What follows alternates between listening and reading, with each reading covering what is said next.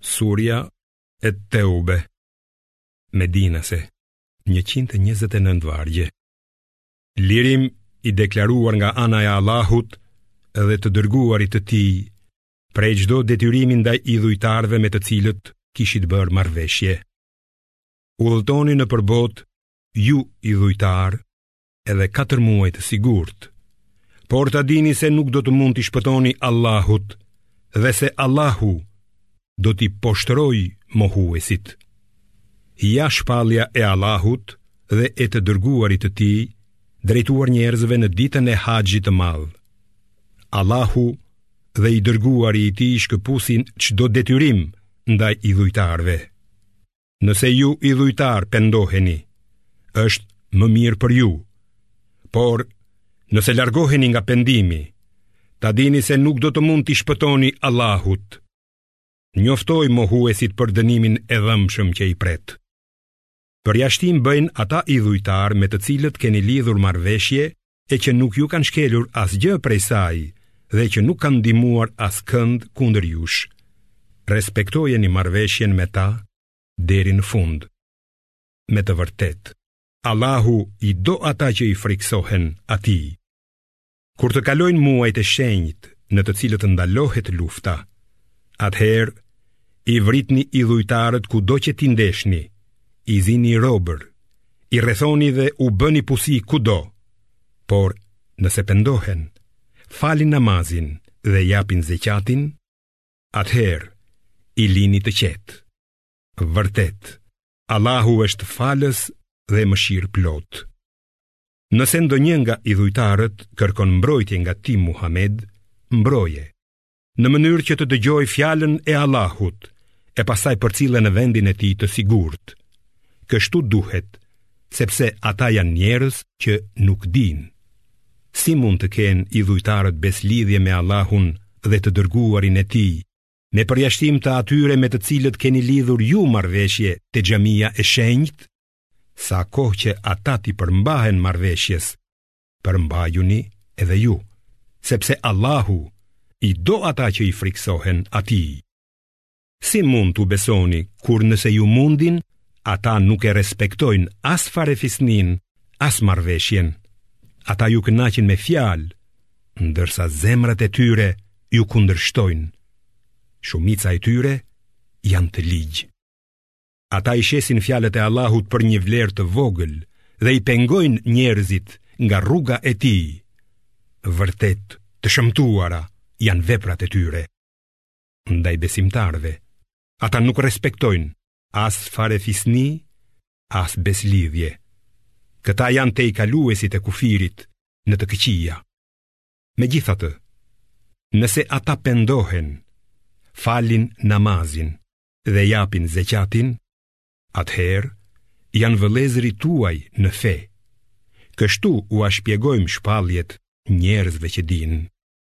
Por, nëse ata e prishin betimin pas lidhjes së marrëveshjes dhe sulmojnë fenë tuaj, atëherë luftoni kundër krerëve të mosbesimit, sepse ata nuk kanë besë që të mund të frenohen nga të këqijat.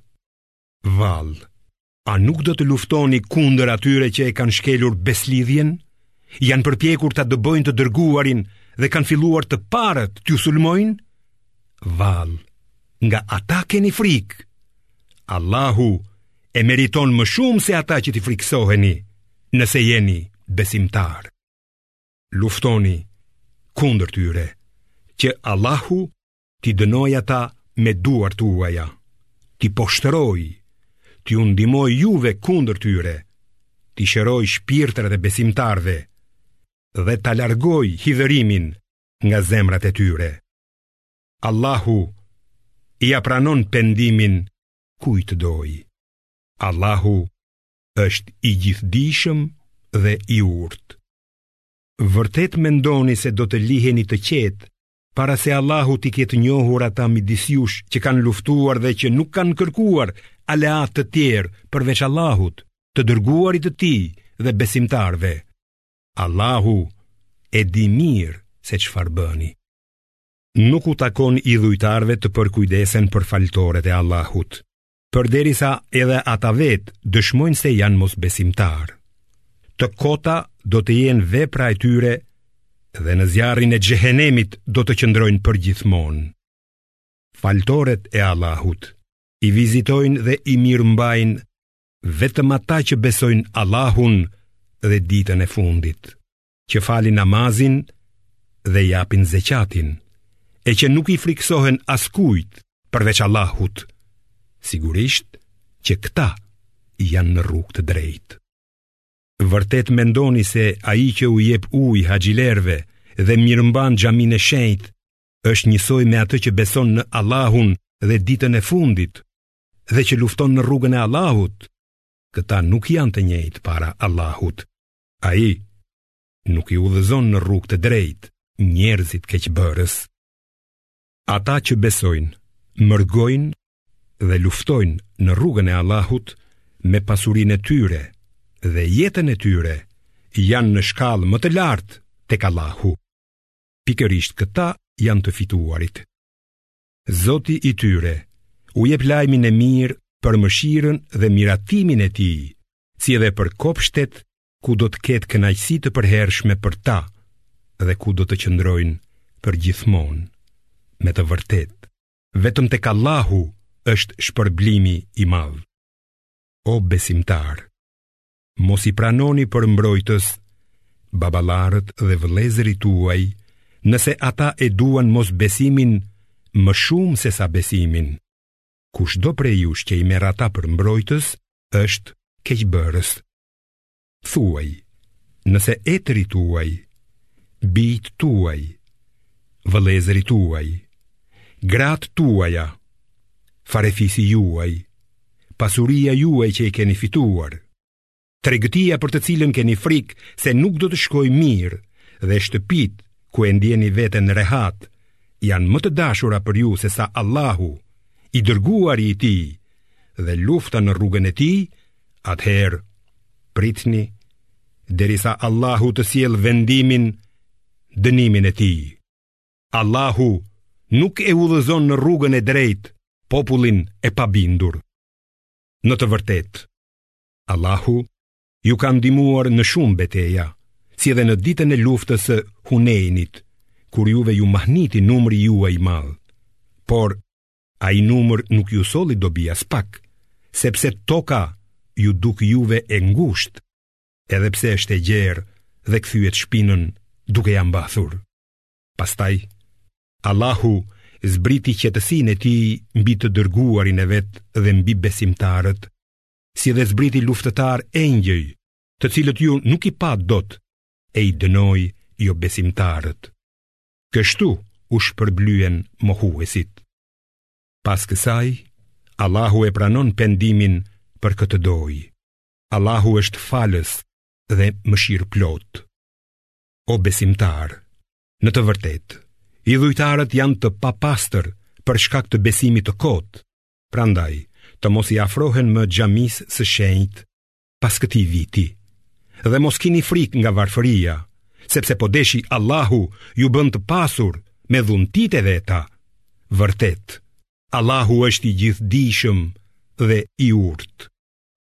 Luftojini ata që nuk besojnë në Allahun e as në ditën e Kiametit, që nuk e marrin për të ndaluar atë që e ka ndaluar Allahu dhe i dërguari i Tij. Dhe ata, midis atyre që u është dhënë libri, që nuk e pranojnë fenë e vërtetë, derisa të japin xhizjen, taksën me dorën e tyre, duke qenë të përulur.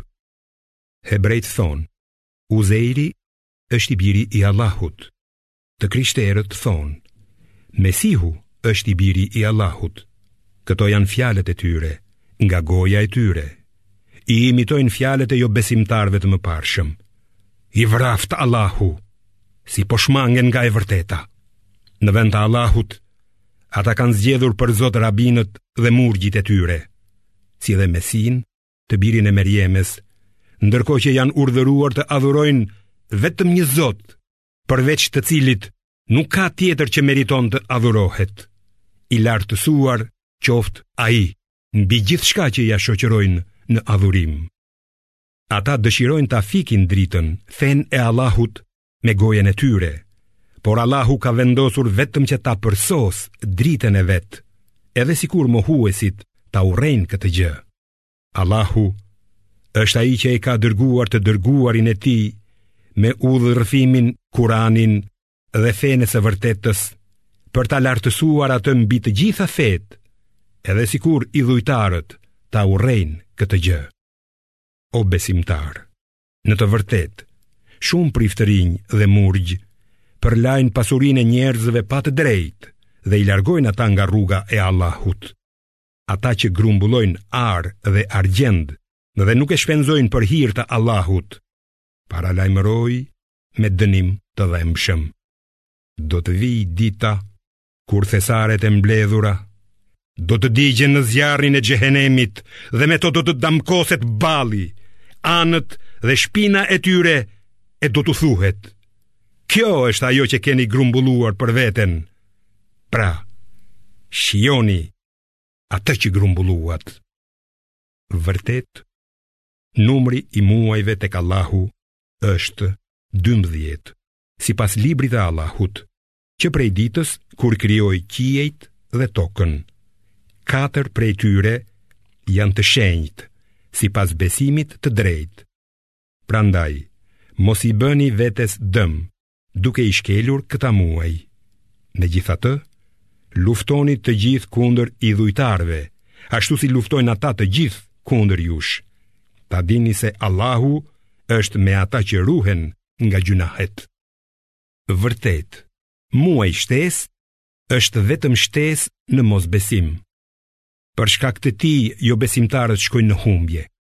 Një vit e quajnë të lejueshëm, e vitin tjetër të ndaluar, për të plotësuar numrin e muajve që i ka ndaluar Allahu.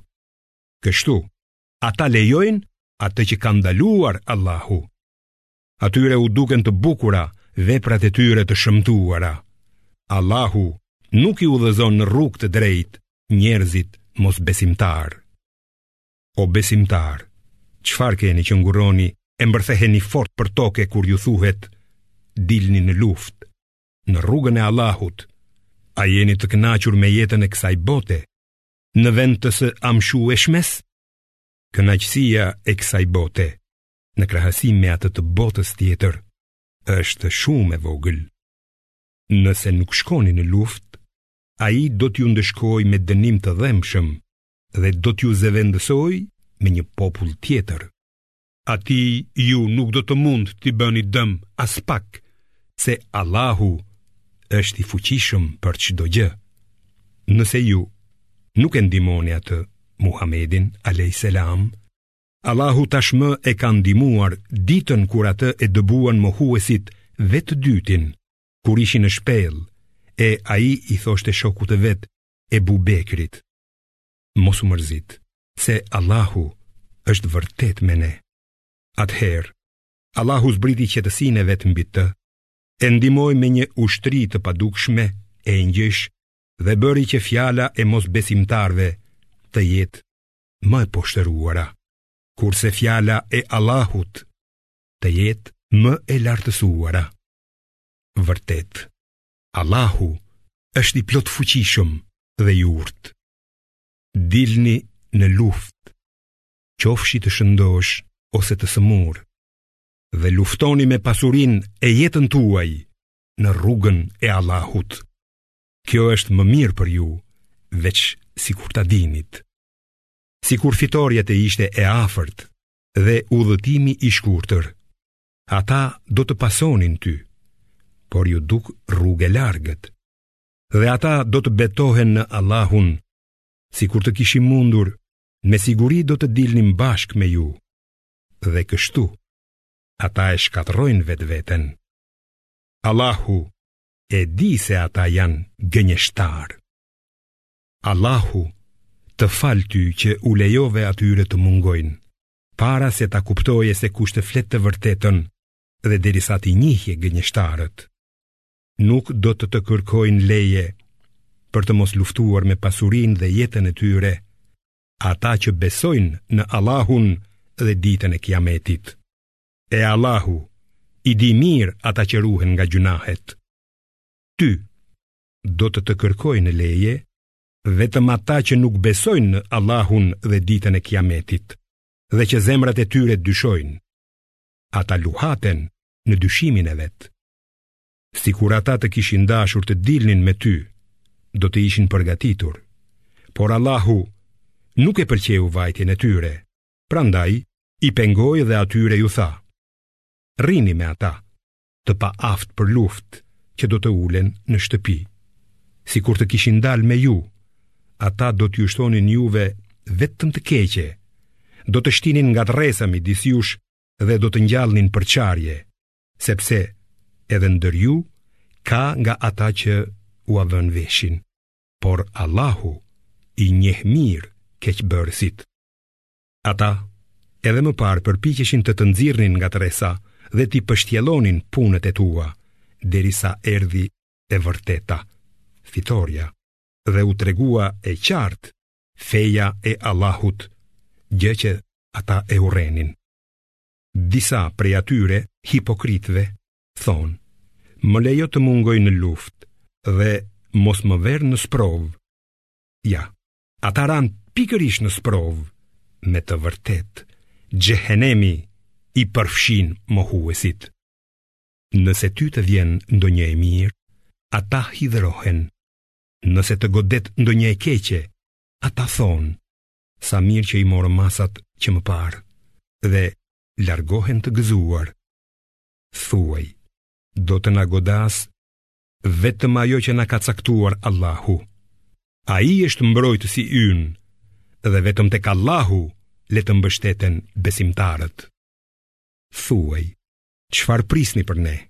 Përveçse njërës prej dy të mirave, fitores ose martirizimit. Ndërsa ne po presim që Allahu t'ju godasë me dënim nga ana e tij ose me duar tona. Pra, pritni se edhe ne me ju do të presim. Thuaj, shpenzoni me hir a me pahir, nga ju nuk do të pranohet kurrsesi, sepse ju jeni vërtet një popull i mbrapshtë.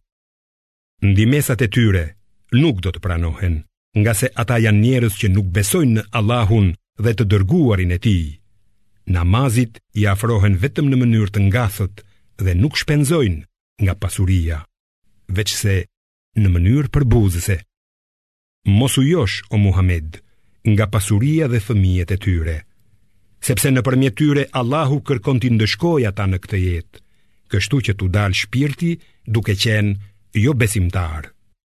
Ata betohen për Allahun se janë në fenë tuaj, ndërkohë që nuk janë prej jush, por janë njerëz frikacakë për të treguar si janë në të vërtetë. sikur ata të gjenin ndonjë strehim, shpellë apo vend mbrojtjeje, do të niseshin atje me nxitim. Ka edhe të tillë që të qortojnë për shkak të ndarjes së lëmoshës. Nëse atyre u jepet ndonjë pjesë, ata kënaqen, por nëse nuk u jepet, përnjëherë zemërohen. Sikur ata të kënaqeshin me atë që u ka dhënë Allahu dhe i dërguari i tij, do të thoshin, na mjafton Allahu. Allahu do të na japë nga mirësitë e veta, edhe i dërguari i tij. Ne vetëm tek Allahu i varim shpresat. Lëmosha e zeqatit është vetëm për të varfrit, për nevojtarët, për ata që janë ngarkuar me mbledhjen dhe administrimin e tij, për lirimin e skllevërve, për të rënduarit nga borxhet, për luftëtarët në rrugën e Allahut dhe për udhëtarët e mbetur rrugëve. Këto janë detyrat e vëna prej Allahut. Vërtet, Allahu është i gjithëdijshëm dhe i urtë. Ka të atillë që shqetësojnë të dërguarin dhe thonë, ai dëgjon çdo gjë që i thuhet. Thuaj, o Muhammed, ai dëgjon atë që është e mirë për ju, beson në Allahun dhe u beson besimtarëve. Ai është mëshirë për ata midis jush që besojnë, kurse ata që e lëndojnë të dërguarin e Allahut, i pret një ndëshkim i dhembshëm. Ata, ju betohen për Allahun për t'ju kënaqur, por është më e drejtë të kënaqin Allahun dhe të dërguarin e tij, nëse janë besimtarë. Vallë, A nuk e dinë ata se për atë që e kundërshton Allahun dhe të dërguarit e tij, është përgatitur zjarri i xhehenemit në të cilin do të qëndrojë përherë? Ky është poshtërimi më i madh. Hipokritët druajnë se do të shpallet ndonjë sure e cila do t'i lajmërojë se ç'ka në zemrat e tyre. thuaj, talluni po deshët. Allahu sigurisht që do ta nxjerrë në pah atë së cilës ju i druheni. Nëse i pyet, ata do të të përgjigjen. Ne vetëm po bënim shaka dhe po luanim. Thuaj, A mos vallë me Allahun, shpalljet dhe të dërguarin e tij, po talleni? Mos u shfajësoni, ju e mohuat fenë, pasi patët besuar, nëse ne i falim disa prej jush për shkak se u penduan, do t'i ndëshkojmë të tjerët ngase janë fajtorë, nuk u penduan për talljen që bënë. Hipokritët dhe hipokritet janë të ngjashëm me njëri-tjetrin. Kërkojnë që të bëhen vepra të këqija, e pengojnë të mirat dhe janë dorështrënguar. Ata e kanë harruar Allahun, por edhe ai i ka harruar ata. Me të vërtetë, hipokritët janë keqbërës. Allahu u ka premtuar hipokritëve, hipokriteve dhe mosbesimtarëve zjarrin e xhehenemit, ku do të qëndrojnë përgjithmonë. Ai do t'u mjaftojë atyre. Allahu i ka mallkuar dhe ata do të kenë dënim të vazhdueshëm. Ju hipokritë jeni si ata që kanë qenë para jush. Ata kanë qenë më të fortë se ju. kanë pasur më shumë pasuri dhe fëmijë. Ata janë kënaqur me pjesën e vet të kësaj bote, por edhe ju po kënaqeni me pjesën tuaj, siç janë kënaqur edhe ata. Edhe ju jeni dhënë pas të këqijave, ashtu siç ishin dhënë ata. Veprat e tyre do të zhduken në këtë botë dhe në tjetrën. Ata janë të shkatërruar. A nuk kanë dëgjuar ata për popujt që kanë qenë më përpara? Për popullin e Nuhut, për fiset Ad dhe Themud, për popullin e Ibrahimit, për banorët e Medjenit dhe për qytetet e përmbysura të popullit të Lutit, të dërguarit e tyre, u sollën shenja të qarta. Allahu nuk u bëri padrejtësi, por ata i bënë padrejtësi vetvetes. Besimtarët dhe besimtaret janë miq për njëri-tjetrin. Ata urdhërojnë që të bëhen vepra të mira dhe i ndalojnë të këqijat, falin namazin, japin zeqatin dhe i binden Allahut dhe të dërguarit të tij. Këta janë ata që do t'i mëshirojë Allahu. se Allahu me të vërtetë është i plotfuqishëm dhe i urtë.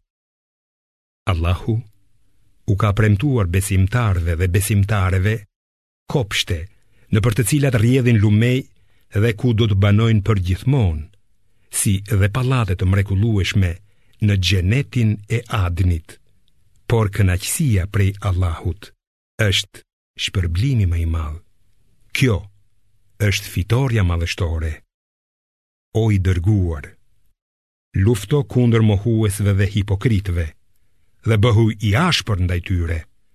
Strehimi i tyre është xhehenemi, sa vendbanim i shëmtuar. Hipokritët betohen për Allahun se nuk thanë asgjë të keqe, por në të vërtetë Ata thanë fjalën e mosbesimit, mohuan pas pranimit të Islamit dhe synuan të bënin gjëra të paarritshme. Ata u bënë keqdashës vetëm sepse Allahu dhe i dërguari i Tij u kishin dhënë besimtarëve nga të mirat e Tij. Nëse pendohen, do të jetë më mirë për ta. Por, nëse kthejnë shpinën, Allahu do t'i ndëshkojë me dënim të rëndë në këtë jetë dhe në tjetrën dhe ata nuk do të kenë kurrfarë mbrojtësi apo ndihmësi në tokë. Ka nga ata hipokritë që kanë bërë besëlidhjen me Allahun duke thënë, nëse ai na jep nga dhuntitë e tij, Sigurisht që do të japim lëmoshë dhe sigurisht që do të bëhemi njerëz të mirë. Por kur ai u dha atyre nga dhuntitë e veta, ata u bënë koprracë dhe kthyen shpinën duke u larguar. Prandaj, ai ua lidhi hipokrizinë në zemrat e tyre, deri në ditën kur do të dalin para tij, sepse e shkelën premtimin dhënë Allahut. Ata e kishin zakon gënjeshtrën.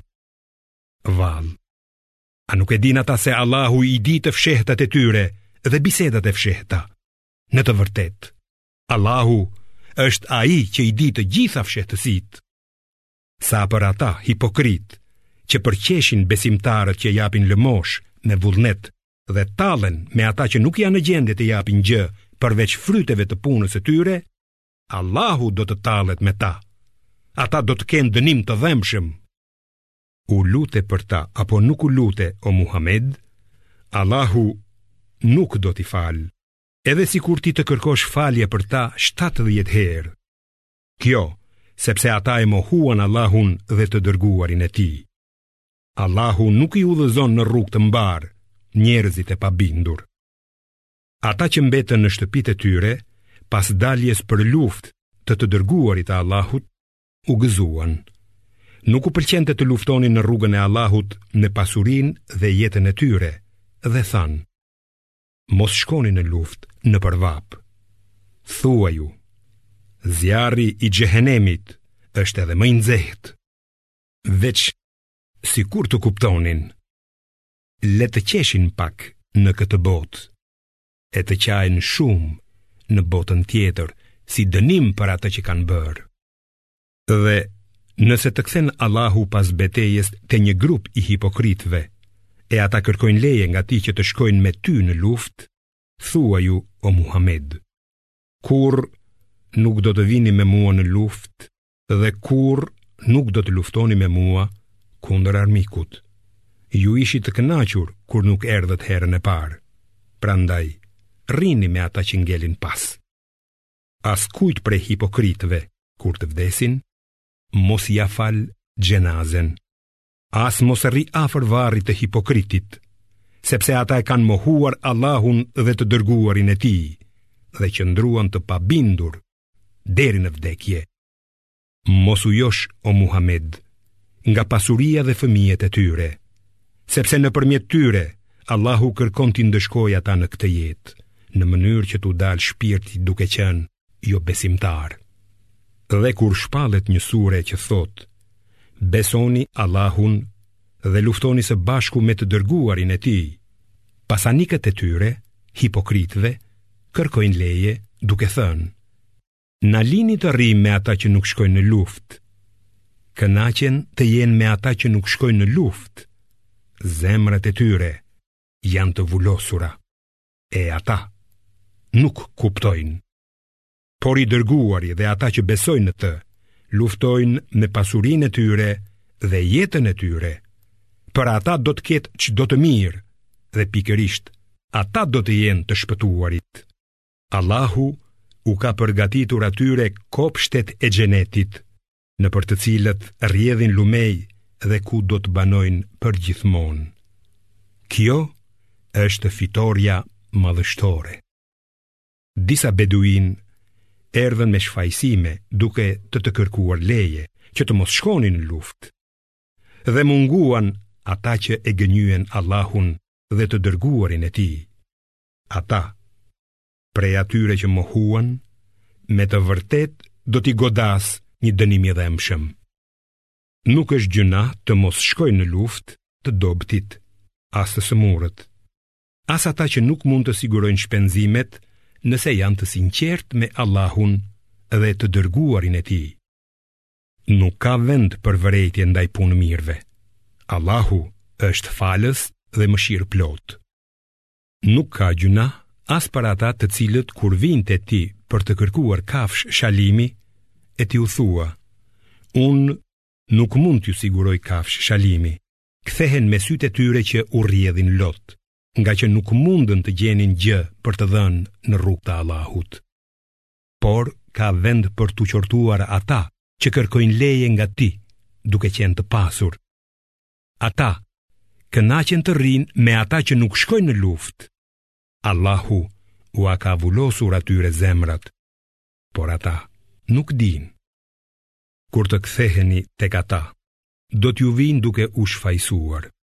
Thuaju, mos kërkoni falje, sido që të jetë, ne nuk ju besojmë, sepse Allahu na ka lajmëruar për qëllimet tuaja. Me siguri Allahu dhe i dërguari i tij do t'i shohin veprat tuaja. Pastaj ju do të ktheheni tek ai, që i di gjërat e padukshme dhe të dukshme, e do t'ju lajmërojë për atë që keni bërë. Kur të ktheheni tek ata, do t'ju betohen për Allahun që t'i lini, largohuni prej tyre.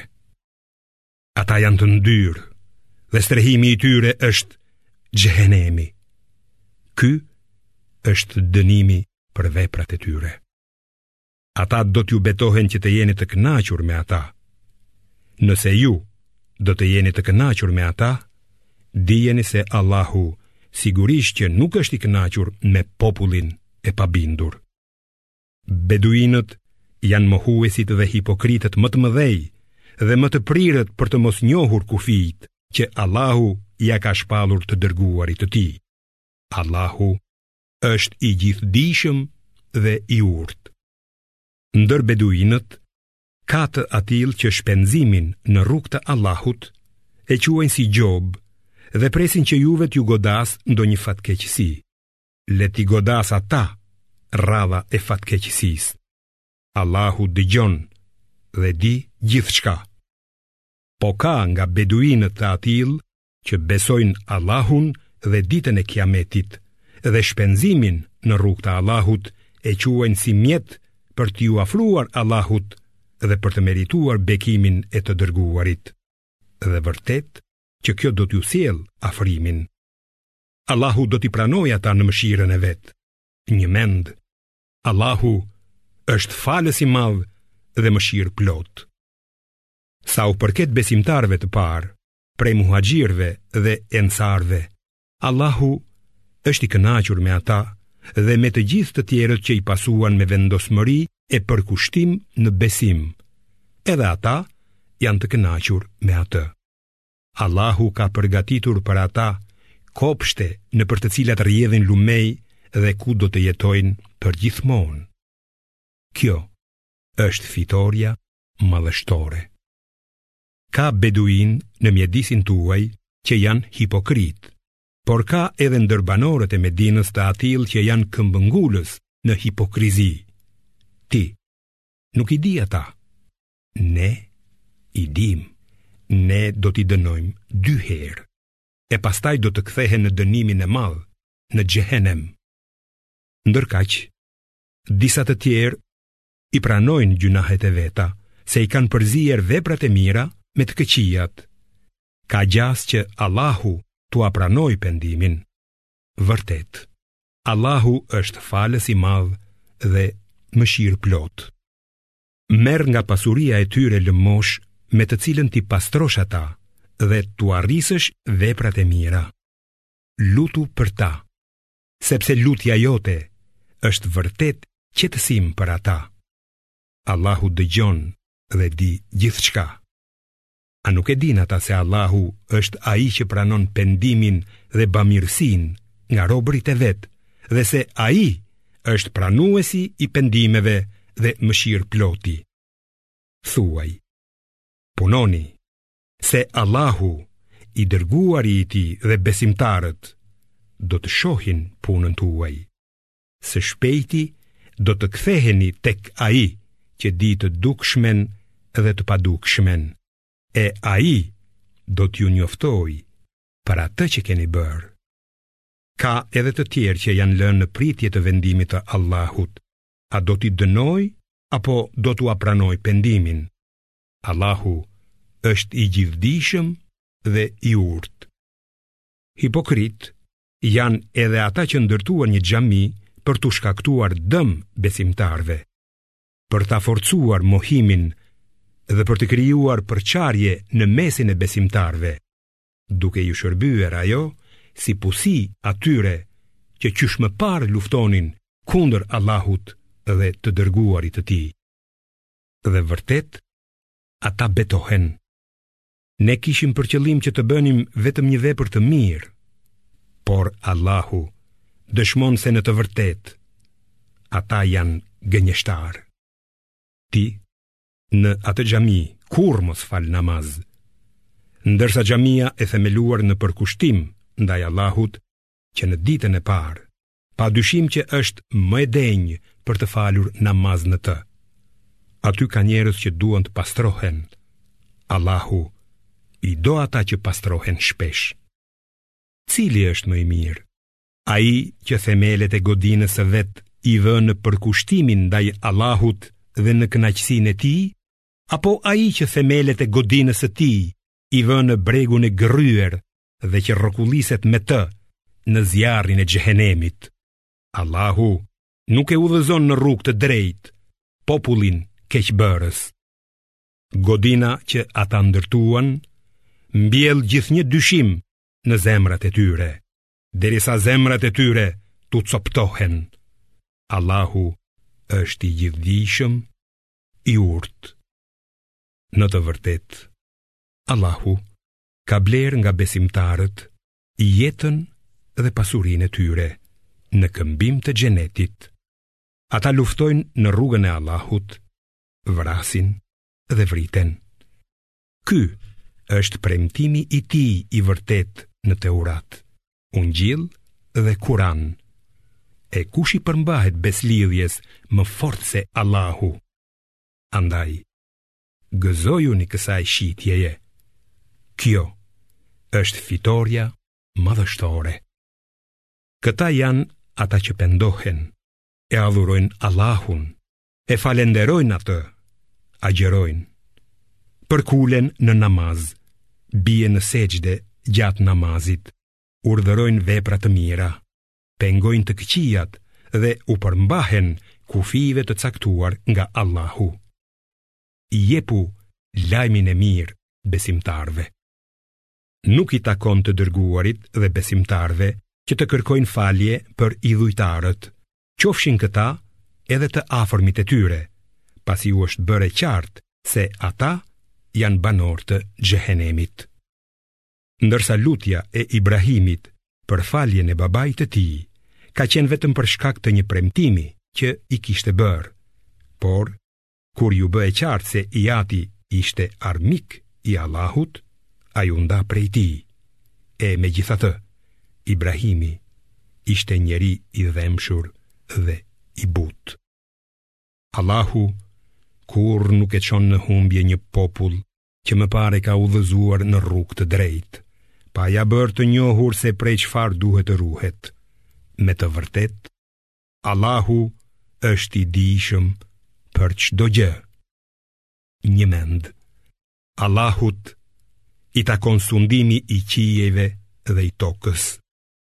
Ai e jep jetën dhe vdekjen. Përveç Allahut, ju nuk keni tjetër mbrojtës apo përkrahës. Pa dyshim, Allahu e pranoi pendimin e të dërguarit. të muhaxhirëve dhe të ensarëve, të cilët shkuan pas atij në çastin e vështirë, pasi zemrat e disave prej tyre për një fije qenë afër shmangies nga detyra. Pastaj Allahu pranoi pendimin e tyre. Vërtet, ai është i butë dhe i mëshirshëm me ta. Ai ua pranoi pendimin edhe atyre të treve që mbetën prapa atëherë, kur toka, sado e gjerë, iu duk e ngushtë dhe iu shtrënguan shpirtrat, aq sa u bindën se nuk ka strehim tjetër përveç Allahut. E pastaj Allahu u dha mëshirë që të pendohen. Me të vërtetë. Allahu pranon pendimin dhe është mëshirëplotë. O besimtarë, frikësojuni Allahut dhe bëhuni me ata që janë të sinqertë në fjalë dhe në vepra. Banorëve të Medinës dhe beduinëve që janë rreth saj, nuk u lejohet të mos ndjekin të dërguarin e Allahut, as të kursejnë jetën e tyre para jetës së tij. Kjo është kështu sepse ata që janë në rrugën e Allahut, sa herë që t'i godasë etja, lodhja e uria, dhe sa herë që të shkelin në ndonjë vend ku do t'i zemërojnë mohuesit, apo t'i gjejë gjë nga ana e armikut, atyre do t'u shkruhet si vepër e mirë. Me të vërtetë, Allahu nuk do t'ua humbë shpërblimin punëmirëve.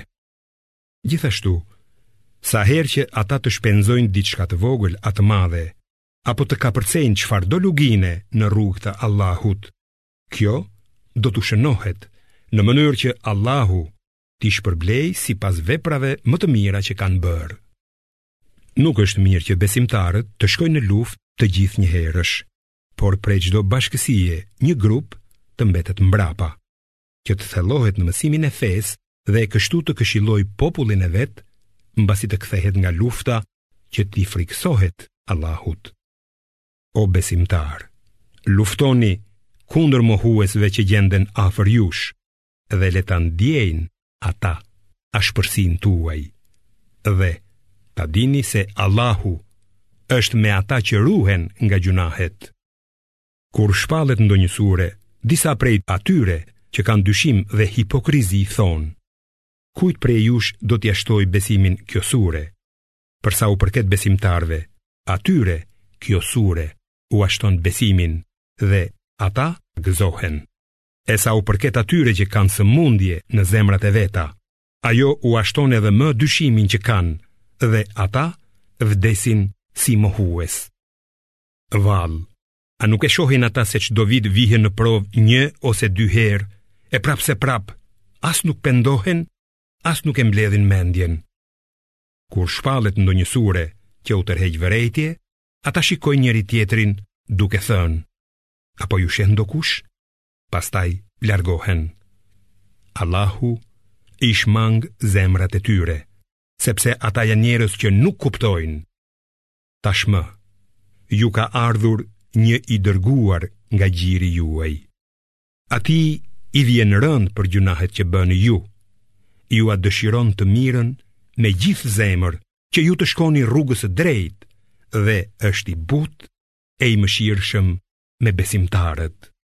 Nëse ata largohen nga e vërteta, thuaj: Më mjafton Allahu, s'ka zot tjetër përveç tij. Unë mbështetem tek Ai që është Zot i Fronit të Madh.